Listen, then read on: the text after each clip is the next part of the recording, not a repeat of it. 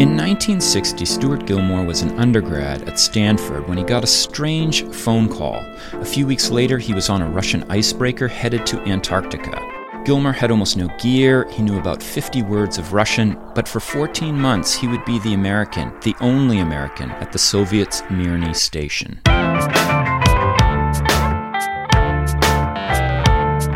It's time to eat the dogs. I'm Michael Robinson. Today, Stuart Gilmore talks about life at Mirny Station during the height of the Cold War. After his work doing ionospheric research, Gilmore joined the faculty of Wesleyan University, where he taught history of science for over 30 years. Stuart Gilmore, thanks for talking with me today. Well, you're welcome. So, I um, was wondering if you could take us back to 1960, you get a telephone call uh, at Stanford. What happened? I was, uh, it was the day after Kennedy was elected. I got a phone call from one of my professors in electrical engineering. I had worked with him and some others in 1958 on a highly classified project, which I had been in the Azores Islands. So I get this phone call. I'm basically a senior undergraduate and I was majoring in electrical engineering with what we would call it a, a, physics minor. And he says, Would you like to go to Antarctica with the Russians? And I said, Well, sure, because I had tried as a senior in high school to go to Antarctica with Admiral Byrd for the International Geophysical Year, which was 57, 58. Mm-hmm. And I was told I was third in the national competition out of seven of us who came to New York and you know, had her pictures taken and whatnot. In any case, I said, sure. He said, I've got tickets for you. A plane to Boulder, Colorado is leaving San Francisco in three hours. So I directly went to the airport and got on the plane and went to Boulder, Colorado. I didn't realize it exactly at that time, but the man who would have gone on a program as a guest with a Soviet expedition, someone said it had a nervous breakdown and pulled out at the last minute. Beginning with the IGY, the U.S. had a cooperative program with the Soviets to send one scientist down with them, and they would send one scientist to join a U.S. base. I was the fifth guy. The first three had been meteorologists. The fourth guy was a geophysicist. And me, my title was ionospheric physicist because I was going to do a project involving the ionosphere the ionized layers above the Earth beginning about 60 kilometers or so and going up to 500 kilometers. So I said, okay. I went back to Boulder and was interviewed. So this is all within about three hours of learning. Well, that... I get on the plane and I get there, and then I knew it was a chance to go to the South Pole with the Soviets and to do ionospheric physics research using a device called a riometer. So I get there and I spend a couple of days and I go back to Stanford and they told me I had the job. I beat out a couple of guys, somebody from Penn State who was a PhD and uh, whatever. I think because I'd been a Boy Scout and interested in the Boy Scout chance to go to the Antarctic, because I was an amateur radio operator and always been interested in communications and antennas, and because the Stanford guys, faculty, had had a role in research there they recommended me. Plus, I was a little nuts. so I spent several days at Stanford saying goodbye to all my professors. Uh-huh. Some of them didn't believe me. I came in would say things like, "I'm sorry, I I can't take the thermodynamics midterm on uh, Friday because I'm going to the South Pole with the Soviets," and uh, two or three believed me, but a couple of others certainly didn't, mm-hmm. with things like, yeah, that's another story out of you, Gilmore. Uh, by the way, I flunked all those courses because you had to make up the courses within 12 months of being gone or they flunked. Well, I was still at, down at the Antarctica, and so I couldn't make them up. But in any case, a couple of professors gave me a C, one gave me a D, and two gave me Fs. I spend maybe a week in Boulder, Colorado, looking at. I had 41 crates and 7,000 pounds of equipment to go, and I spent that time being familiarized with some of it. And then they flew me to Washington, D.C., where I got the odds and ends left over of the polar clothing for the United States Antarctic Research Program because everybody going to the U.S. bases had already left a month or two or more before me. And in addition, had I been the regular guy who was going to go with the Soviets, I would have had six months of intensive Russian language training at some place like the U.S. Navy Monterey uh, Language School. I didn't. I, I knew about 50 words in Russian. Uh, I then flew to New York, managed to take all the cargo space of a DC 7 from Pan Am and 23 seats inside the tourist compartment for my baggage and luggage and flew, bounced across about five African countries, and eventually got down to Cape Town, South Africa to join a Soviet icebreaker. The icebreaker was already left Leningrad several weeks before, so it was a loss of face if we couldn't get an American to join this thing. Mm-hmm. So I get on the boat in Cape Town, the Ob, which is named for a, a river in Siberia, and we head south. Can I ask a question here? Um, Sure. So you you have about fifty words of Russian. Is there anybody on the Russian icebreaker who actually could communicate with you? There was an official secretary who was Edward Kozlovsky. Edward, I was the youngest member of the hundred and some Soviet expedition party. I was 22. I would say Edward was uh, 40 at the time. He'd been a history teacher at high school in Leningrad, and he had a formal English, which was okay. And there were three East Germans on the expedition, one of whom became my closest friend, Peter Glöde. And Peter spoke fairly decent English. And then there were several Russians who spoke a little pidgin English. Otherwise, um, that was sort of it. The boat heads south. We come to the coast and start to build a new base to replace a base called Lazarev Station, which was going to break off the sea ice and float out to sea. So we spent a couple of weeks going inland, I don't know, 15 miles, and building new Lazarev Station.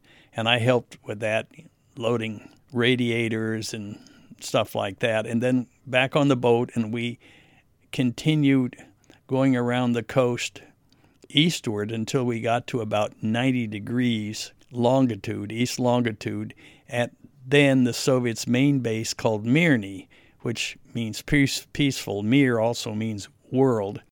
So you never uh, you never made a stop at McMurdo. You didn't really have contact with any of the U.S. No, and personnel. McMurdo would have been another by sea, would another 1,500 miles on around the Antarctic. We were at Mirny. We were basically pretty much due south of someplace between uh, Sri Lanka and the west coast of Australia. So there I was. We unloaded with a crane my 41 wooden crates of equipment and on bulldozers and went a mile or two across, say, six or seven feet of sea ice to the coast and up a sort of a steep cliff to where the main base Mirny was. And I lived at three different houses during my year at Mirny. I was in the tractor driver's uh, building for a few weeks while things were getting set up. And then I moved to the ionosphere building for a few weeks. But there, there were transmitters doing ionospheric pulsing and radar, uh, auroral radar studying. And, and I felt that transmitting noise was going to uh, interrupt too much my work, which was actually receiving cosmic radio noise. And the purpose for this was to study the effects on the ionosphere of not only the aurora, but particularly certain solar proton storms, solar burst storms. And so I moved back closer to the main part of the base where it was radio speaking, it was quieter. So um, did they know in advance that your subject area was something that they would have equipment to do? I mean, No, they didn't have any equipment to do it. They were building, while I was there, an earlier version of my equipment, which had been put together by my the boss of my big group when he'd been at the University of Alaska for three or four years with an engineer at Alaska. And he'd published it in an electrical engineering journal, and they were building that version. I had a an improved version. Uh-huh. So I know that uh, ionospheric research was very important in the 30s and 40s in terms of radio signals. I would imagine that there was a lot of strategic, potentially even military value to studying the ionosphere. Was that ever an issue that you're working at a Soviet base and you're doing this kind of work that may? No. Uh, yes, there would be some military uses, as there always had been, because it would help you have better ideas of radio propagation, uh, what frequencies to use, uh, what preferred directions might do better. But it also had uses just for basic science. Yeah. When you uh, first arrived at Mirny, what was your uh, first impression? What the what was it like? Well, I had six weeks on the boat, so I had uh, an impression then. We got to Mirny. The Soviets had had many, many decades of research experience in the Arctic, that is, the Russians before the Soviets even. And so they were pretty familiar with a lot of stuff in the Arctic. But in the Antarctic, their first real time down there was in 1956, getting ready for the IGY. And they built their buildings on the ground, and then the snow would cover these buildings. The same thing happened to the early U.S. Uh, buildings if they covered over, eventually the ones at the U.S. South Pole, for example, got covered with so much snow it started to force the roof in and crush things.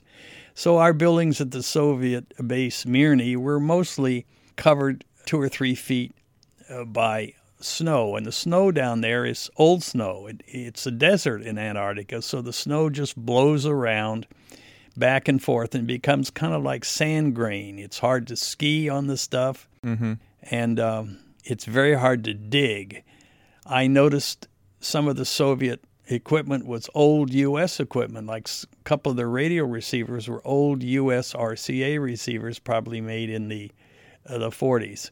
They had a number of converted military vehicles for cross country travel, basically sort of large tanks with uh, cabin bodies on them where people could stay inside. They called those Kharkovchankas. They also had what we would call a weasel. It's like a, they called it a Vezdekhod, goes everywhere for traveling around. They they had a helicopter at our base. We had a the couple equivalents of DC 3s, a Soviet version. Our expedition had a tight budget, so instead of sending two ships, the Soviets just sent one. Mm-hmm. The 10,000 ton ice strengthened freighter called the Ob. So, of course, it was new to me. Here I was a few weeks before slugging around taking introductory quantum mechanics, thermodynamics, fluid dynamics, and now I'm down there wondering what, what I was going to do, get all my stuff set up, and start to learn about the food and all sorts of other stuff. Well, I'm, I'm imagining that this must have been quite a new experience. First, because you'd never been to an Antarctic base before, and second, because your first experience in Antarctica was at a Soviet base. So, uh, you know, it's probably hard to get a kind of com- compare and contrast with McMurdo. But I was wondering, you know, what did you notice about life in in this uh, station with the with the Russians? Well, they were basically good guys. A number of them had well, I said I was the youngest guy. I was 22. There was one young guy, uh, Fyodor, uh, who was 23. He was the only member of his family who'd survived World War II father, mother, sisters, brothers. And they didn't talk a lot about this, but you found out one of my good friends who a geomagnetician who just I think died a year or so ago. We always sent Christmas cards and letters, and he visited me here once after the Soviet Union broke up, and I visited him and his wife in Leningrad. He told me that during the Nazi encirclement of Leningrad for a thousand days or whatever it was, he had a little BB gun and he went out and he tried to shoot little birds like robins so he and his mother could have some meat. And those who know about that terrible time in Leningrad knew that I don't know if it was 100,000 people or what it was who froze to death and simply yeah. starved. Most of these guys didn't dwell on that a lot. Uh, they ha- had the feeling that they thought in 1960 and 61, uh, in early 62 while I was there. Things in the Soviet Union were better than what they'd remembered, and they tended not to want to rock the boat. Mm-hmm. Later, when I visited McMurdo on my way out, along by air, uh, probably 1,200 miles from us, McMurdo Sound was totally different. Uh, in the summer, 1,200 Seabees and Navy personnel and four or five ships in the harbor at a time. It's just, just a totally, totally different uh, scene. Did you uh, end up eating a lot of uh, foods that were different from what you had experienced well, in the States? What we had was we had what I like to think of as a lead blintz called oulade. Uh, they were very heavy. Uh, and I don't know how many Eastern European uh, people who, or Jewish food who have blini or blintz uh, have ever had blintzes quite as uh, tough as these things. we also had, um, I've got movies of a 10 gallon big pot of bubbling oatmeal, and then opened on the top of the big stove a half dozen cans of East German hot dogs, mm. just with the top of the can cut off and sitting there, and then a guy flipping these blini. We had a lot of potatoes, a lot of mashed potatoes and stuff. We had pickled things. We had a place to keep meat and other things uh, frozen, another place apples to keep just above freezing. The ship picked up a lot of apples in South Africa before going to the Antarctic, so we had a lot of those. We had pickled tomatoes, pickled uh, cucumbers, jars of pickled stuff. Uh, we had live pigs at the base who were fed the garbage, about a dozen or so pigs, and wow. they would slaughter a pig every couple of months, and we'd have shashlik. Shashlik is is a, uh, a version of shish kebab, only you don't have any uh, vegetables stuck between the meat. uh, you marinate the meat in the vegetables, the tomatoes and stuff, for some time. We had shashlik, and about once every three months, the cooks would make ice cream. They also made a ghastly version of kvass. Kvass is a drink that used to be sold out of just tanker trailers in, in Russia, and you'd use the same glass. Kvass is a very low alcohol kind of, uh, I don't know what, but a bad beer. And they made some stuff which was just ghastly. Was uh, was there a grog ration in Antarctica? Well, we pretty much drank it up almost immediately. And so, though it was not legal and was supposed to be highly forbidden, uh, the guys uh, would go out and drain alcohol out of the de-icing oh parts of the aircraft carburetors and secretly bring it in in khaki-colored uh, paint cans, and it of course would give you a hell of a hangover because they insisted it was Chisti spirit, uh, pure alcohol, and I believe it wasn't methanol; it was ethanol, but it had picked up bits of aviation fuel Oh. uh, being in the carburetor, and so it would look like this clear liquid with little tiny globules of stuff floating in it, and uh, God. that that was illegal. But guys would show around. For example, Volodya Zagorsky, the cook, who was a, a well-known drunk, showed up one day in in our building, and we went into the the Soviet uh, boss of our group to have a little a picnic or something. Volodya had come in his parka, all greasy, and he had a roast chicken in each pocket of this parka, and he also had hidden on him two glass jars of pickles. And so the party was because I had brought two cases of old granddad bourbon with me, which I got in Cape Town, and uh, somehow I'd agreed to get one of these bottles out of a locked closet, and as soon as you word got around there was any kind of booze, Volodya would show up or uh, with stuff from the kitchen. Uh, yeah, the meals and the I got to like they had two kinds of cereal: Grechnia kasha, which is buckwheat porridge, and mania kasha. Mania kasha is closer to what we'd call grits, and I like that. I got along on the food. Uh, when you winter over in very cold areas, you start to like to eat uh, fat. Yeah. So when you read stories of Eskimos or other Inuit people eating blubber and whatnot, it's like the Eastern Europeans putting sala or sausage fat or lard fat Mhm. on their bread, large slices. We would put large slices of butter on the top of our cups of tea and just drink it. Our our butter was a lot of it was green from uh, from uh, fungus. Our meat also would have kind of a rainbow shine on it sometimes. So oh boy. the quality of the food was anyway. I did fine on the food. Um, you mentioned that some of the crew, the Soviet crew, were veterans of the war, or at least alive during the war. Was there a big generational gap?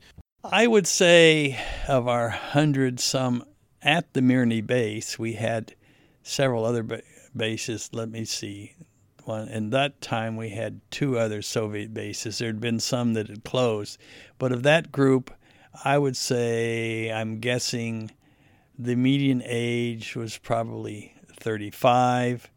Uh, The maximum age of these guys, some in their 50s or mid 50s. I don't think there were very many who were younger than their in their late 20s. A number of them were professionals, so they would spend a year at a Soviet Arctic drifting station in the Arctic Ocean on big ice floes studying weather and whatnot, or someplace else, and then they would come home to uh, mostly the Moscow area or, or or Leningrad, and they would spend six months. They got paid several times their normal rates of pay, and the only thing they could buy with it pretty much was uh, was a vodka and uh, have a big time with uh, females, and then they might go to the Antarctic. One guy who ran some equipment for me at Vostok, that's the site of the coldest spot in the world, he had spent 19 years either above the Arctic Circle or below the Antarctic Wow. Circle. The Soviet Union lost not only to uh, uh, Stalin's purges, but also to the uh, fight against the Nazis, that the ratio of women to men in the age groups of uh, uh, late 20s up through 40s was probably, I don't know, three or four to one. Mm-hmm. So the guys that would come back, the single guys, would uh, pretty much just fool around with women and drink. They couldn't buy any real consumer goods. Mm-hmm. Uh, so I gave away some things before I left to my friends. A little tape recorder, which had been left by the American the year before me. I gave away a typewriter to the secretary, Edward Kozlowski, an, an English language typewriter. I gave away two or three pieces of my favorite clothes. I gave away some books, uh, and they, they deeply appreciated these things. You um, mentioned that because you were such a quick pick for this, that the timeline was so short for you for getting ready for this trip, that virtually all of the U.S. equipment and clothing and gear was gone, and that you were much more reliant upon Soviet gear. Could you talk a, a little bit about the gear? Uh, you know, what were you uh, outfitted with? Okay, as far as the Bureau standard stuff, it was superb. I, mean, I told you I had 41 crates. I had absolutely This was the um, scientific equipment. Yes, but also a complete so-called medical kit. I had boxes of Kimwipes, industrial paper wiping products. Those came in as toilet paper because the Soviets, of course, had run out, so they were using printed radio message grams, you know, unused radio message grams. But I had superb stuff there. The U.S. clothes from the Antarctic Research Program were undergoing change so that the year following me they had a different kind of uh, completely different kind of design of clothes. What i got left over from from 1960 was some egyptian cotton orange colored parkas a long parka that went to your knees and another parka. And then i got they would buy stuff from abercrombie and fitch or expensive outdoor outfits and while it was high quality, some of it didn't seem to be to be that well suited to uh, uh, to polar life. Mm-hmm. Uh, and some of the equipment was U.S. Navy stuff, like some of the boots and the gloves and things.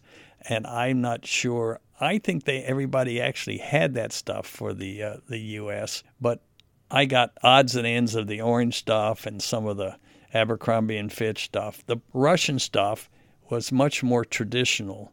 There were heavy canvas outfits, padded outfits, and there's a famous book published, I think, in 1871 by George Kennan, not the famous international diplomat George Kennan from the 40s and 50s, but I think his great uncle, called Tent Life in Siberia. And if you, mm. no, there's another book, Gulag. I forget her name now, but it's a book published just 20 years ago. And in that book, she's got pictures from the gulags in the 1930s of the Soviet, basically prisoners working in these Arctic gulags, splitting rock and stuff. And you look at the picture, they have the same leather boots and the same sort of padded canvas parkas and, and the sheepskin hat that I saw some of the guys at my base wear. Uh, a number of us got leather outfits lined with flannel, uh, pants and coat, and I generally wore those with Soviet tank driver's boots, which were heavier than the regular Soviet leather boots, had wooden pegs holding the soles together, and then I wore the common uh, black Russian sheepskin and leather hat, which you would see everybody wearing in the Soviet Union in the in the 60s when I was last in the Soviet Union in the 80s, people had moved up to uh, a higher quality fur or even the Louisiana Nutria fur hats, with the Soviets were the main market for Nutria for mm-hmm. a number of years. So I tended to wear that leather outfit. I also have a leather outfit lined with reindeer fur for use in extreme cold weather, which I wore when I was at Vostok. And then I have two pairs of knee high fur boots, one sheared sheepskin on the outside lined with reindeer called unte, and the unte have felt soles and can only be worn in very cold weather. And I have another pair which is long white dog fur on the outside and the inside with the uh, felt soles. Most of the time I wore these heavy knee high Soviet leather tank driver boots, and I have socks made out of wolf fur that were ankle high, like boot slippers, and I would wear those inside these boots. And then I'd wear the, the leather flannel lined pants and the leather flannel lined jacket with my sheepskin hat. But then when I was outside, because I wasn't sure I would know what the Soviets might be hollering at me, and if the winds were up, I always wore an orange U.S. parka.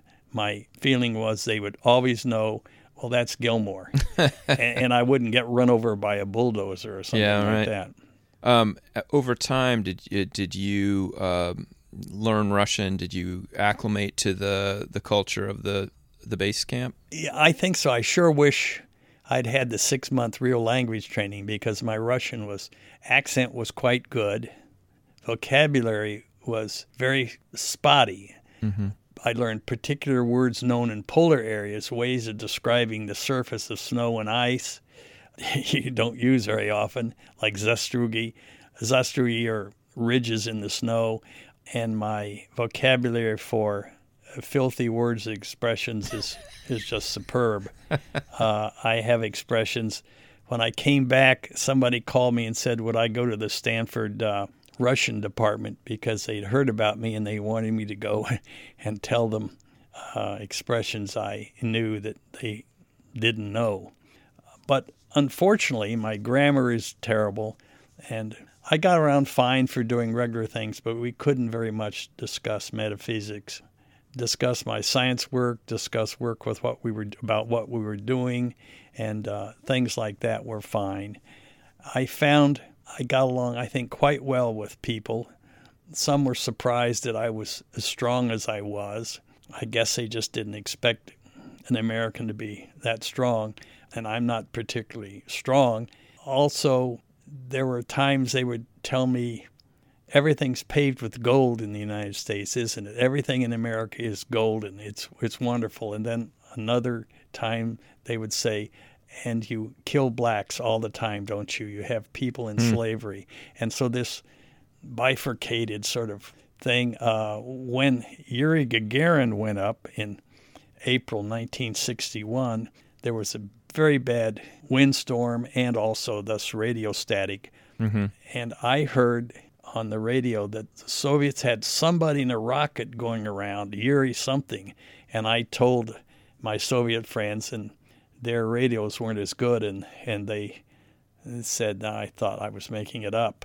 And uh, a day or so later, they said, No, you're right. We, and then just a week later, as it turns out, uh, I said I'd heard on the radio that the U.S.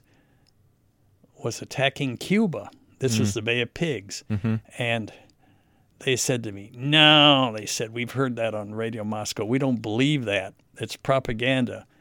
And I said, Well, why? And they said, the U.S. would never attack Cuba with old World War II B 26 bombers. We mm-hmm. don't believe it. And then I said later, Well, guys, actually, it's true. And then in August of that year, my good friend Peter Glüder, the German radiophysicist, said, One of my college buddies is in the Forest Service. And he sent me a telegram saying, I think I am being moved from lumber into concrete. And he said, a couple of weeks later, I got a, another telegram from him saying, Yes, I'm involved with concrete and reinforcing. he said, I know what's happened to him. They're sending to Berlin. I think they're building a wall. Well, in fact, that was the start of the Berlin Wall. Wow. That ends part one of my interview with Stuart Gilmore. Next week, Gilmore discusses political life on Mirny Station, the challenges of overwintering, and the deadly risks of traveling in Antarctica. The music is composed by Zabrat.